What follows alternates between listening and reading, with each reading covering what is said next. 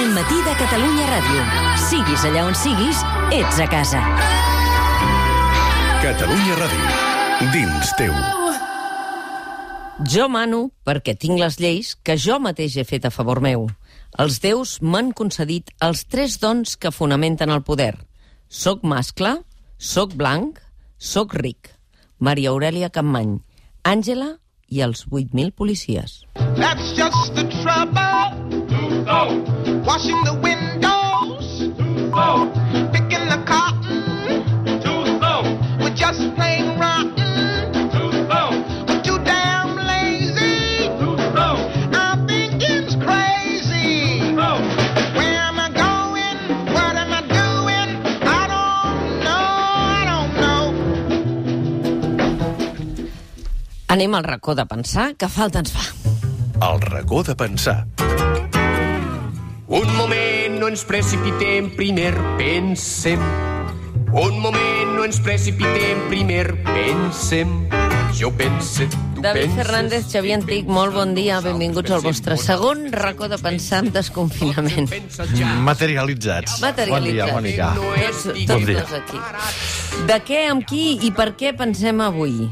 David, Què falta fa? Eh, doncs avui parlem eh, de més, més llibres, eh, més lliures, i en aquest cas amb tots els motius i totes les raons, perquè és un llibre que es pregunta i es respon si podem abolir les presons, l'acaba de treure de Tigre de Paper, eh, i és un plaer, no? I, i és una celebració doncs, poder llegir a l'Àngela Davis per primera vegada eh, traduïda al, al català i d'això parlarem, de si podem abolir les presons a una setmana eh, on sembla que el pitjor s'ha desconfinat definitivament, però en fi. Uh, sí, perquè dèiem uh, just abans de que entréssiu, Xavier Antic i, i David Fernández, que és més oportú que mai. Avui, que aquest matí explicàvem que el Tribunal Constitucional havia decidit que els presos i les preses polítics es mantinguessin a la presó, que estem veient el, el tram final d'aquest judici a l'Audiència Nacional al major Josep Lluís Trapero, uh, i no només a ell, eh, però sobre el qual pesen 10 anys de presó, si hi ha condemna per sedició, uh, impunitat en casos de corrupció, etc etc. Xavier Antic, hi ha mil Sobretot- raons per Sí, una molt llarga llista, no? Lo del, la, la decisió d'ahir del Constitucional crec que val la pena de posar-la en el valor del que representa i del que significa, eh? Perquè és una mica el de dir, no, no, que continuen en presó mentre estudiem si efectivament, com diuen tots els organismes no? internacionals, eh, es confirma que hi ha vulneració de drets i, per tant, una mica mentre estudien, que pot durar dos anys, tres anys, quatre anys, depèn de la diligència, que sabem que no és molta, del Tribunal Constitucional per analitzar la sentència del Suprem, que mentrestant, per si de cas, que estiguen a la presó, no? Aquesta és una. Després, aquest matí hem dit eh, que el rei, el rei no. El El, rei rei, en cap cas investigat ni políticament, eh, judicialment sí, eh, perquè veurem eh, com evoluciona, però políticament, la voluntat política de que no sigui investigat, no? I ja veurem judicialment com evoluciona, perquè si els lletrats del, del Parlament diuen que la inviolabilitat és en tots els termes i en tots els àmbits, una qüestió que s'haurà de dirimir a la sala segona del Suprem i que inclús algunes veus, com la del monàrquic Zarzalejos, s'han insistit en que s'hauria d'obrir el que passa que ell no ho diu per restaurar la justícia, diu per salvar la corona. Mm. Diu, diu, és poc el que ha fet l'actual eh, monarca, el seu fill, aquest còmplice, que durant un any ha estat callant, que passa una mica com amb el racisme, en el cas de racisme, els Mossos d'Esquadra només ho reconeixen quan es fa públic, no? però alguns han estat callant anys. No? I de, això lliga també amb tot el que parla, per, per la llibre, o veure també, precisament ahir, eh, abans de- d'escoltar eh, eh, la brillant intervenció de l'Olga Tobau, escoltar els fiscals com es felicitaven no? eh, per, per compliment esplèndid de la missió encomanada a Pérez de los Cobos l'1 d'octubre, és a dir, aquesta apologia de la violència de persecució amb toga, amb toga fiscal, doncs ens porta, tot, porta, tot porta el llibre, perquè el llibre en veritat parla de si es poden abolir les presons i al final és una reflexió sobre en quina societat vivim i en quina altra eh, podríem o voldríem viure. I perquè, que és la premissa del llibre, perquè ens és quasi impossible imaginar-nos una societat sense presons, no? Qualsevol uh -huh. que li dius, no, abolim les presons, diuen, com i? No? I això està entre, entre allà, perquè s'ha construït un imaginari repressiu i punitiu que costa, costa moltíssim eh, arribar a imaginar-s'ho. I diu que és la primera, no? La primera baula eh, no? per, per intentar fer fer-se aquesta pregunta, intentar pensar, i si, i si el, la presó no fos el model dominant de càstig i hi hagués altres alternatives, però per explicar tot això tira molt, molt, Molt molt, enrere. molt enrere. Tira molt enrere i parteix de l'esclavitud i parteix també de, del racisme i de tot el que hi ha implícit eh, en la mirada d'Angela Davis, no?, sobre això. Sí, l'Àngela Davis ens, ens situa en un dels flancs, jo m'atreviria a dir, més durs del pensament crític, que és una mica atentar i encarar de front això que ara deia el David, que és dona per suposat que la presó ha d'existir, no? És a dir, que es dona per fet que qualsevol persona que se salta les lleis ha d'acabar a la presó, perquè la presó és el lloc habitual per a aquella gent que no fa el que se suposa que hauria de fer, no? I una mica eh, la genealogia que fa l'Àngela Davis, que és actualitzar una batalla de molta altra gent, però ella de manera molt lúcida, que comença, ella ho planteja als Estats Units, en el context de la lluita contra l'esclavitud, la defensa pels drets civils, etc, però que des de la perspectiva d'Europa sabem una mica tota la batalla que es va fer a partir dels anys 60, bàsicament a França primer, però després a Alemanya, Gran Bretanya, etc, que era impugnar la presó com a institució, mm. diguem-ne que rectora, per a eh, ordenar mm, els comportaments que no acaben entrant dintre del que podria ser-ne la normativa. Eh? Eh, Angela Davis és una Foucaultiana profunda, eh? i Foucault és el primer que posa sobre la, sobre la taula aquesta idea de que la presó, en contra de ser allò que sembla, un instrument per a humanitari en el principi, eh? per evitar el recuperar- càstig per físic, i- les execucions públiques, etc. Perquè en el seu origen se plantejava com això, és a dir, mm. estalviem-nos aquestes escenes tan esfereïdores de les execucions públiques a les places, que aquí a Barcelona se va fer fins a primers del segle XX, eh? i de fet, en realitat, la primera execució pública que es fa a la Model, al 1908, provoca un, un terratrèmol, perquè hi ha més de 2.000 persones manifestant-se perquè volen veure l'execució, no? que no es faci dintre. I en contra d'aquesta idea de la presó com a instrument humanitari, el que tant Foucault com Angela Davis, en aquest llibre jo crec que absolutament imprescindible, el que plantegen és que la presó no és la solució, sinó que és el problema. Però tot parteix del concepte del càstig, no?, al final. Sí, i tant. Eh, de fet, al, al final del llibre, quan ja planteja quines alternatives ja diu que sobretot eh, repensar eh, i fins i tot dissociar no? Eh, el crim i el càstig, no? o com es configura el crim i com es configura el càstig. Perquè, per exemple, per posar exemples molt quotidians, quin crim és anar pel carrer caminant sense papers? No és cap delicte, és una infracció administrativa. I, en canvi, hi ha uns CIES no? que retenen eh, milers de persones l'any, on moren persones, com ha passat aquest, eh, aquest any darrer, com va passar amb Idrissa Dalo a, a Barcelona i en el cas dels Estats Units amb una reclusió no? de la migració eh, no? dita il·legal, no? que també és un oxímoron, no, no hi ha persones il·legals, hi ha fets o situacions, però sí, sí, diu que s'ha de tornar a pensar la relació que fem entre, entre, entre càstig i, i crim, i a més rebomina molt dient el, el que deia el Xavi lligant-ho, que és veritat que la història de la presó sempre hi ha dues paraules que sempre van, sembla que siguin indefectiblement juntes o separades, que és reforma i penitenciària, no? Sempre es parla de reforma penitenciària, i ella diu més que reformes, no? anem, a, anem a parlar de... D'abolició. Anem a parlar d'abolició, anem a començar a pensar com les anem, com les anem eh, eh, tancant, perquè a més jo crec que hi ha una qüestió que ella també assenyala molt, que és eh, que és molt difícil no? eh, obrir, obrir el debat, per això, pel que dèiem, perquè la presó es considera tan natural que és pràcticament dificilíssim imaginar-se la vida sense, i en canvi no pensem per què tanta gent hi, hi, hi va parar sense que hi hagi grans debats sobre la seva eficàcia a l'encarcerament, perquè anem dient eh, a més presos, més seguretats, i no, a més presos, més presons i més inseguretat, perquè en el cas de la distopia americana, que és on van més enllà, no en la reforma, sinó en la contrarreforma, anem a dir-ho a dir així, doncs eh, 2 milions, 200.000 persones empresonades, hi ha 11 milions de, perso de persones preses a, al món, vull dir, el, el 20, 20% als Estats Units, i una cultura al costat que hem, veie, hem vist també on porta en aquests mm -hmm. temps de Black's Life, eh, Life Matter. No?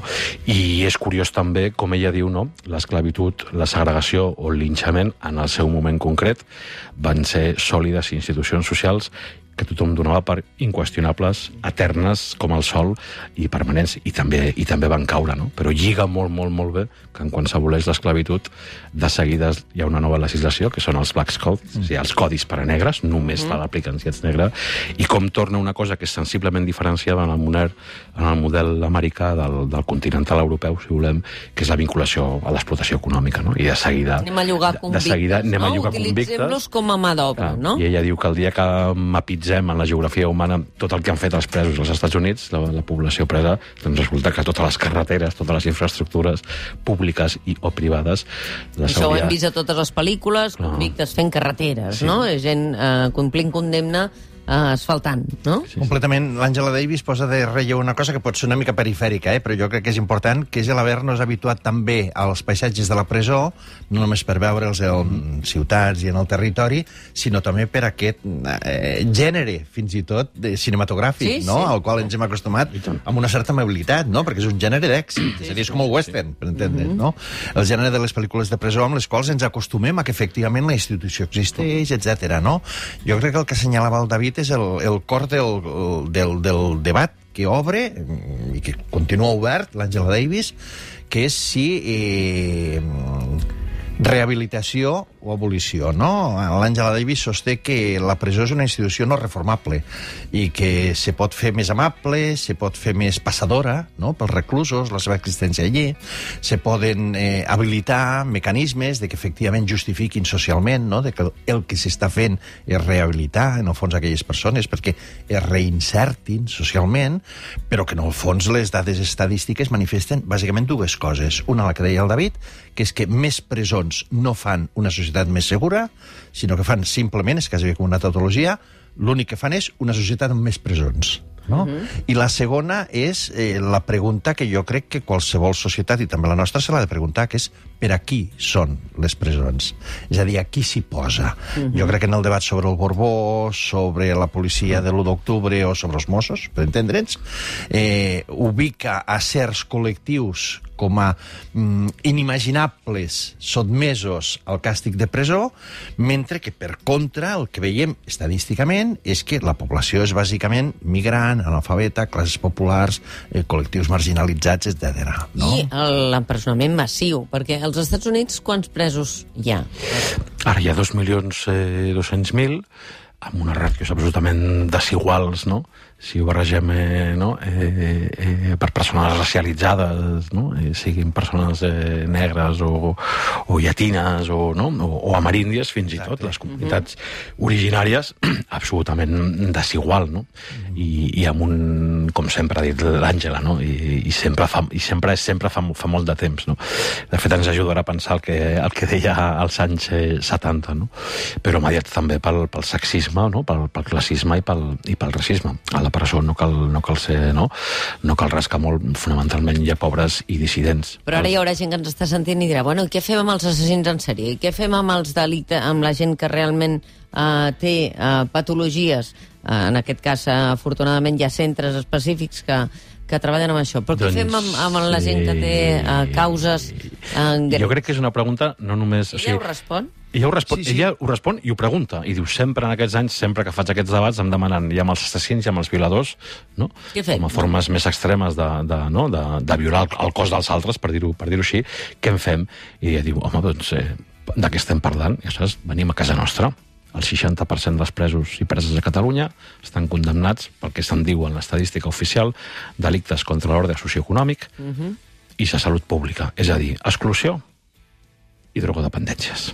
És a dir, amb això ja tindríem un 60%, no? Amb, amb un xic més de justícia altre, social sí. i programes públics de salut i el que diu ella, i la despenalització eh, parcial o progressiva de determinades substàncies, com es fa a Holanda, per exemple, doncs tindríem no? eh, una de les... Quan ella diu no hi ha, no hi ha una alternativa única a la, a la presó, i això seria un error pensar per quin model ho es canviu, sinó que ella parla d'un ventall no? d'alternatives, d'una estratègia combinada i plural de- de- d'elements, i comença parlant d'això, de despenalitzar i descriminalitzar. Si anar sense papers pel carrer no estigués considerat un delicte, doncs no hi hauria CIES. Ja tindríem nou centres penitenciaris menys tancats. Tancats. Si el, si el tractament als menors desemparats eh, eh, tingués un altre tractament no repressiu, sinó molt més vehiculat a, a, no? a la perspectiva social, d'inserció laboral, doncs no hi hauria eh, centres de justícia eh, eh, juvenil. Si l'abús de la presó preventiva a l'estat espanyol no fos la més alta d'Europa, doncs tindríem segurament un 15-20% menys. Per tant, eh, ella utilitza, jo crec que amb molta intel·ligència, és un llibre, per cert, del 2003, que sembla escrit ahir, ahir a la nit, o aquesta, o aquesta matinada, i que des d'aleshores no ha fet que empitjorar, ni amb Obama va- va poder canviar això. Però, en fi, eh, una mica de música o ens ho farem. I'm a black man in a white world. I'm a black man in a white world. I'm a black man in a white world. I'm a black man in a white. I'm in love, but I'm still sad. I found peace, but I'm not glad. All my nights and all my days, I've been trying wrong a black man in a white world. Biaix racista, però també biaix de gènere, també biaix masclista en l'aportació que fa Angela Davis en aquest llibre, no? És la gran tesi, el llibre clàssic de l'Angela Davis, un dels clàssics del pensament del nostre temps, és eh, mm, raça, classe, gènere. I una mica el que fa en aquest... Amb les presons, podem no abolir les presons és aplicar-lo, no? Efectivament, la institució de la presó és una forma de garantir i preservar les discriminacions de raça, classe i gènere. I, i, i no, no, no pas per aquest ordre, no? Però sí que, efectivament, quan abans ens preguntàvem per a qui són les presons, bàsicament per a aquells que des de la perspectiva de raça, classe o gènere no s'ubiquen en el que seria la normativa més o menys hegemònica, no? I una mica tornant al que abans deia el David i tu preguntaves, Mònica, i clar, cal tenir en compte que aquesta eh, inèrcia té calendari i, a més, les dades són bastant esfereïdores. L'Àngela Davis explica com, en, a partir de l'època de Reagan, la població reclusa als Estats Units es multiplica per 10, no? I, per tant, com eh, l'ús i abús de la presó va lligat a determinades polítiques i, per tant, no, no, no és que hagi estat sempre, primer, perquè no ha estat sempre, és un invent modern, la presó, ni que sempre hagi estat aquest, o hagi tingut aquest caràcter massiu mm, que avui li reconeixem, sinó que és una forma de combatre determinades distorsions socials per segons quines polítiques, no? Des de la perspectiva que la presó sempre el que ha volgut des dels orígens és transformar els individus i modificar la conducta en aquells casos en els quals alguns individus i algunes conductes es consideren com a eh, asocials o antisocials, no? I d'alguna manera la presó el que hauria de fer, en teoria, seria aquesta reconducció cap a la norma, no? I d'altra banda, preguntaves tu abans, Mònica, i dona alguna resposta, no? Perquè Sí, la pregunta és clar. molt important, no? I, i el David ho ha comentat, però a mi m'agradaria dir-ho. Ella la dona, i la dona a la pàgina 149, i a més explícitament, eh, diu, els centres educatius, per tant, es poden veure com l'alternativa més potent a la presó. L'alternativa seria transformar les escoles en vehicles per a la descarceració. És a dir, si efectivament el problema és que hi ha algunes conductes que atenten a la preservació, podríem dir-ne, de l'ordre social, on està escrit que el càstig sigui la reclusió. És a dir, la privació de llibertat i la determinació de què és el que han de fer en cada temps i en un determinat espai, no? Sí, jo crec que la resposta, em, recurrent no, a, la, a la pregunta clàssica eh, que es troba sempre dels assassins violadors, és que, que a realitats complexes, no, eh, solucions molt, molt complexes. Però crec que quan, ara que apuntava això el Xavi, jo crec que la, la, la part més fonda i jo crec que mm, eh, tan característica de l'Angela Davis jo crec que tan original és quan, és quan analitza d'una forma molt lúcida eh, l'estructura mm, eh, patriarcal del càstig punitiu d'estat. No? I per posar tres exemples que, que jo crec que s'entenen molt, molt fàcil. No? La presó històricament estava vinculada a la, a la reclusió d'homes perquè les dones ja se les disciplinava a casa. No? És a dir, hi, hi, hi havia, no? hi, ha, hi ha cases que són, que són presons. La segona és la classificació no? conceptual, que inclús està mediada per la raça i el, i el gènere. L'home és delinqüent o és criminal, la dona és boja o malalta, no? Mm. Però fins i tot si això ho passes per la negro o per la negritud, resulta que la dona blanca ha tingut un trastorn emocional o mental, això és el discurs oficial patriarcal, i en canvi, en, en, quan és una dona negra, no sé, la saca Sakur, per dir cosa, no? Mhm. resulta que és la- l'enèsima prova de la seva criminalitat, eh, Mhm. criminalitat eh, congènita. No? I ell analitza molt com el sexisme també, de forma molt, molt invisible, també travessa tota aquesta estructura, aquest complex, eh, eh, que ella, ella diu complex eh, industrial penitenciari, òbviament per abocar allò que sempre s'han dit del complex militar industrial que tan mana, que no és només unes empreses que cotitzen en borsa i que fan negoci de la presó i que, per tant, si el seu negoci són els presos, el seu objectiu és que no, és passar del paràmetre de l'humanisme penal, que era la rehabilitació, a la incapacitació absoluta, és a dir, el seu objectiu és que entrin i mai surtin, no? I això és el que s'ha convertit en un, en un negoci absolutament demencial. És ella que ens ajuda a pensar. Quan em vaig començar a implicar en l'activisme antipresó cap a finals dels anys 60, em va impactar saber que aleshores hi havia prop de 200.000 persones empresonades. Si algú m'hagués dit que en tres dècades la xifra de persones tancades en gàbia s'hauria multiplicat per 10, no m'ho hauria cregut. Recordeu que en aquesta època les reivindicacions del moviment pels drets civils encara no s'havien consolidat. S'ha de tenir això en compte. M'imagino que aleshores jo hauria respost alguna cosa així.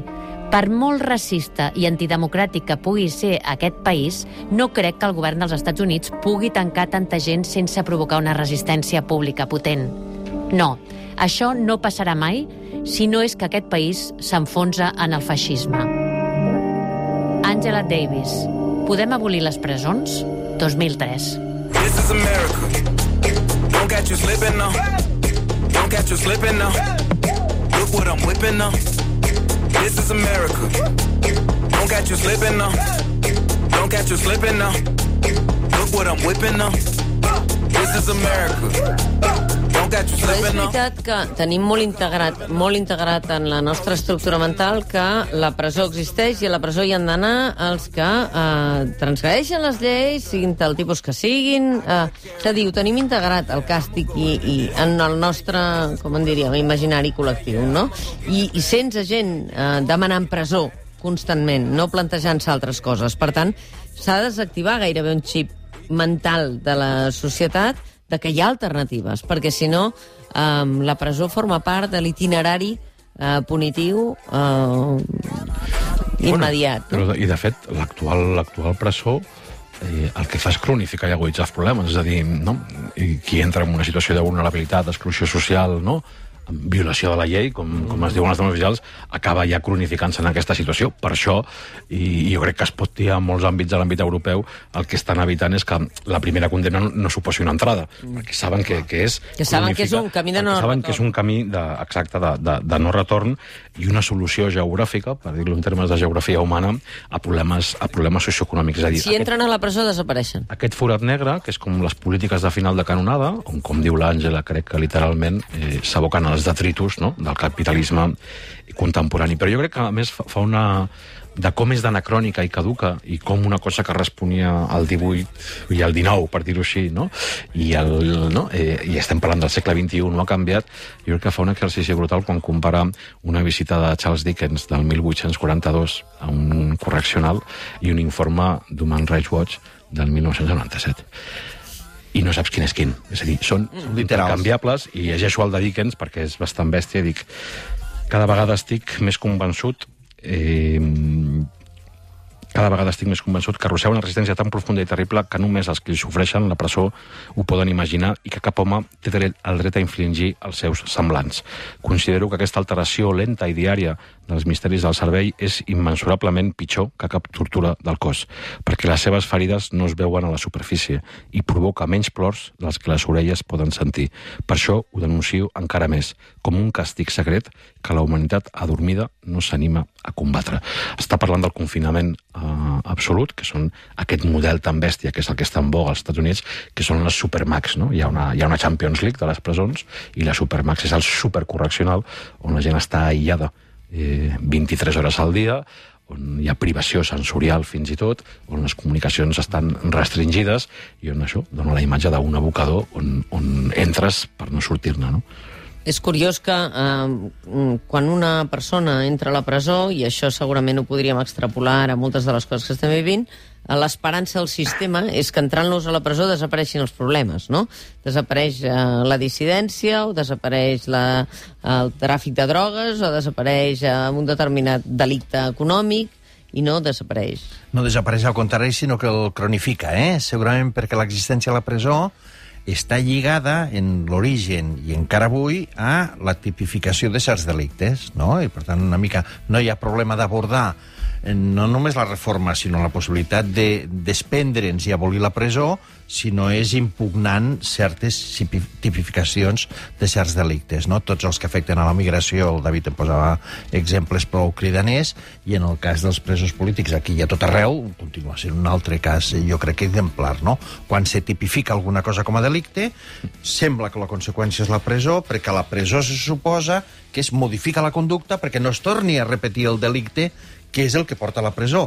però aquest circuit sabem que, eh, des d'un punt de vista descriptiu, no funciona així. Com a, com a humanitat no hem evolucionat gaire per això, perquè ara pensava que del crucifiqueu-lo, crucifiqueu-lo, hem passat a... a, a tanqueu-lo, tanqueu-lo. El que es podreixi a la presó. No? Vull dir, Exacte, és exacte. no hem evolucionat molt, eh? I a més jo crec que entra aquí també, el, quan ella parla de, de complex penitenciari, complex industrial penitenciari, diu, no és només no? Mm, Correctional Corporation ni una gran empresa que fa això, sinó és un sistema de relacions de poder que vincula aquestes grans empreses que fan negoci de l'empresonament massiu i rutinari amb les agències eh, no? eh, policials, amb les cambres legislatives, amb els mitjans de comunicació, o sigui, el que sobretot produeix eh, no? a, a, aquesta indústria penitenciària és ideologia, no? I, i ara que estem en època de Black Lives Matter i que estem veient també com han de retirar no? eh, la sèrie Cops, no? que han legitimat escenes com les que hem vist aquesta setmana en el cas del racisme brutal no? de, de, de, dels Mossos. No? Sí, Eh, però esborrar-los del mapa del nostre imaginari cultural i audiovisual no esborra l'existència d'aquests casos, eh? Aquest és un altre debat, eh? Sí, sí. Però, eh, Clarament. No? Uh, vull dir que al final, Del si tot. dius anem a esborrar les petjades de la nostra inhumanitat, mm, no. No, no, no, perquè a més, justament la presó, una mica pel que tu deies, eh? eh, la presó sorgeix en aquest trànsit de la mm, visualització del càstig, és a dir, el càstig com a espectacle, el càstig com a invisible. És a dir, l'origen de les presons és, eh, escolteu, mm, la brutícia us la traiem del davant de la vista, però la brutícia continua existint. I quan dic brutícia, no dic la brutícia dels mm, delinqüents, diguem-ne, o dels reclusos, sinó la brutícia del sistema Del que castiga, sistema. diguem-ne. Sí, perquè a més jo crec que també a- a- que el debat de la invisibilització també també és local, és a dir, per què traiem la model del cas Corbà? Perquè volem, no? Perquè hem, hem posat totes les noves presons en llocs Fora. ama- amagadets, A fora. La no? perifèria, en un lloc que no es que quedi dissimulat. que tu pots imaginar, doncs és el model també estatal, no?, de les macropresons als anys 80, de fer macropresons, no?, i de l'opció de l'estat espanyol, àmpliament denunciada també, cap a aquesta... Jo sempre dic que quan entro, malauradament, hem hagut d'anar a la presó molt els, dar els darrers anys, però sempre que entres a una presó catalana, quan estàs a la sala d'espera, posen a l'article 25 de la Constitució espanyola que posen les penes privatives de llibertat estan orientades a la resocialització i la reinserció. Però sempre aquesta frase acaba en tres punts. Sempre que anem a la sempre presó ha veiem aquesta frase. es- jo veig els tres punts suspensius amb la que acaba, que és dient, com volem dir, no? Com dient, no ens ho creiem perquè això, això, això ja, no és, ja no és així. Però és curiós eh, com haurien canviat les coses si en aquell moment en què Ponç Pilat li diu a la, a la multitud escolteu, aquest home diu que és el rei dels jueus, eh, què voleu que fem? Si la resposta no hagués sigut crucifiqueu-li, hagués sigut doncs, deixa'ns el que parlarem amb ell, potser les coses Hagués haurien canviat, canviat. hagués Jo crec, a més, que quan es parla d'alternativa... a més- No? A lo millor les coses haurien canviat. Sí, Bastant. Això, això li va dir Sòcrates a aquella assemblea del Peloponès, no? de la guerra, que tothom volia passar a matar de golla a tothom, i Sòcrates, per agrair sempre, va aixecar la mà i va dir la pregunta no és què és el que més ens interessa a nosaltres, que és liquidar l'enemic, sinó la pregunta és què és, què és el més just pels homes. No? I jo crec que la gent es pregunta el mateix i aleshores sí que canvia d'un model i diu hem de passar de la irracionalitat de la venjança a la lògica de la reparació. I aquí sí que entrem en un canvi de justícia penal punitiva a justícia restauradora, reparadora o, o reconciliadora, que és la tesi final del llibre. Però per això cal posar-ho mm, tot en dansa i tot en moviment. La... Totes en l'aire. No em puc creure que hem fet aquest racó de pensar avui, tranquil, i que marxarem i sentirem la música que heu triat per tancar el racó. O sigui, i hem avui, arri- i hem avui arribat. de premi, Xavier Antic i David Fernández. I hem arribat a l'última pàgina del guió, que això sí que és Això inèdit. és, això és inèdit. insòlid. Insòlid. Això és absolutament insòlid. Amb quina cançó marxem? Doncs eh, Black Lives Matter, amb un tema clar de la Sharon Jones, que no és el primer cop que la fem eh, sonar, i que és una versió versioníssima del Woody Guthrie, d'Island i Jordan. Gràcies a tots dos. A tots dos.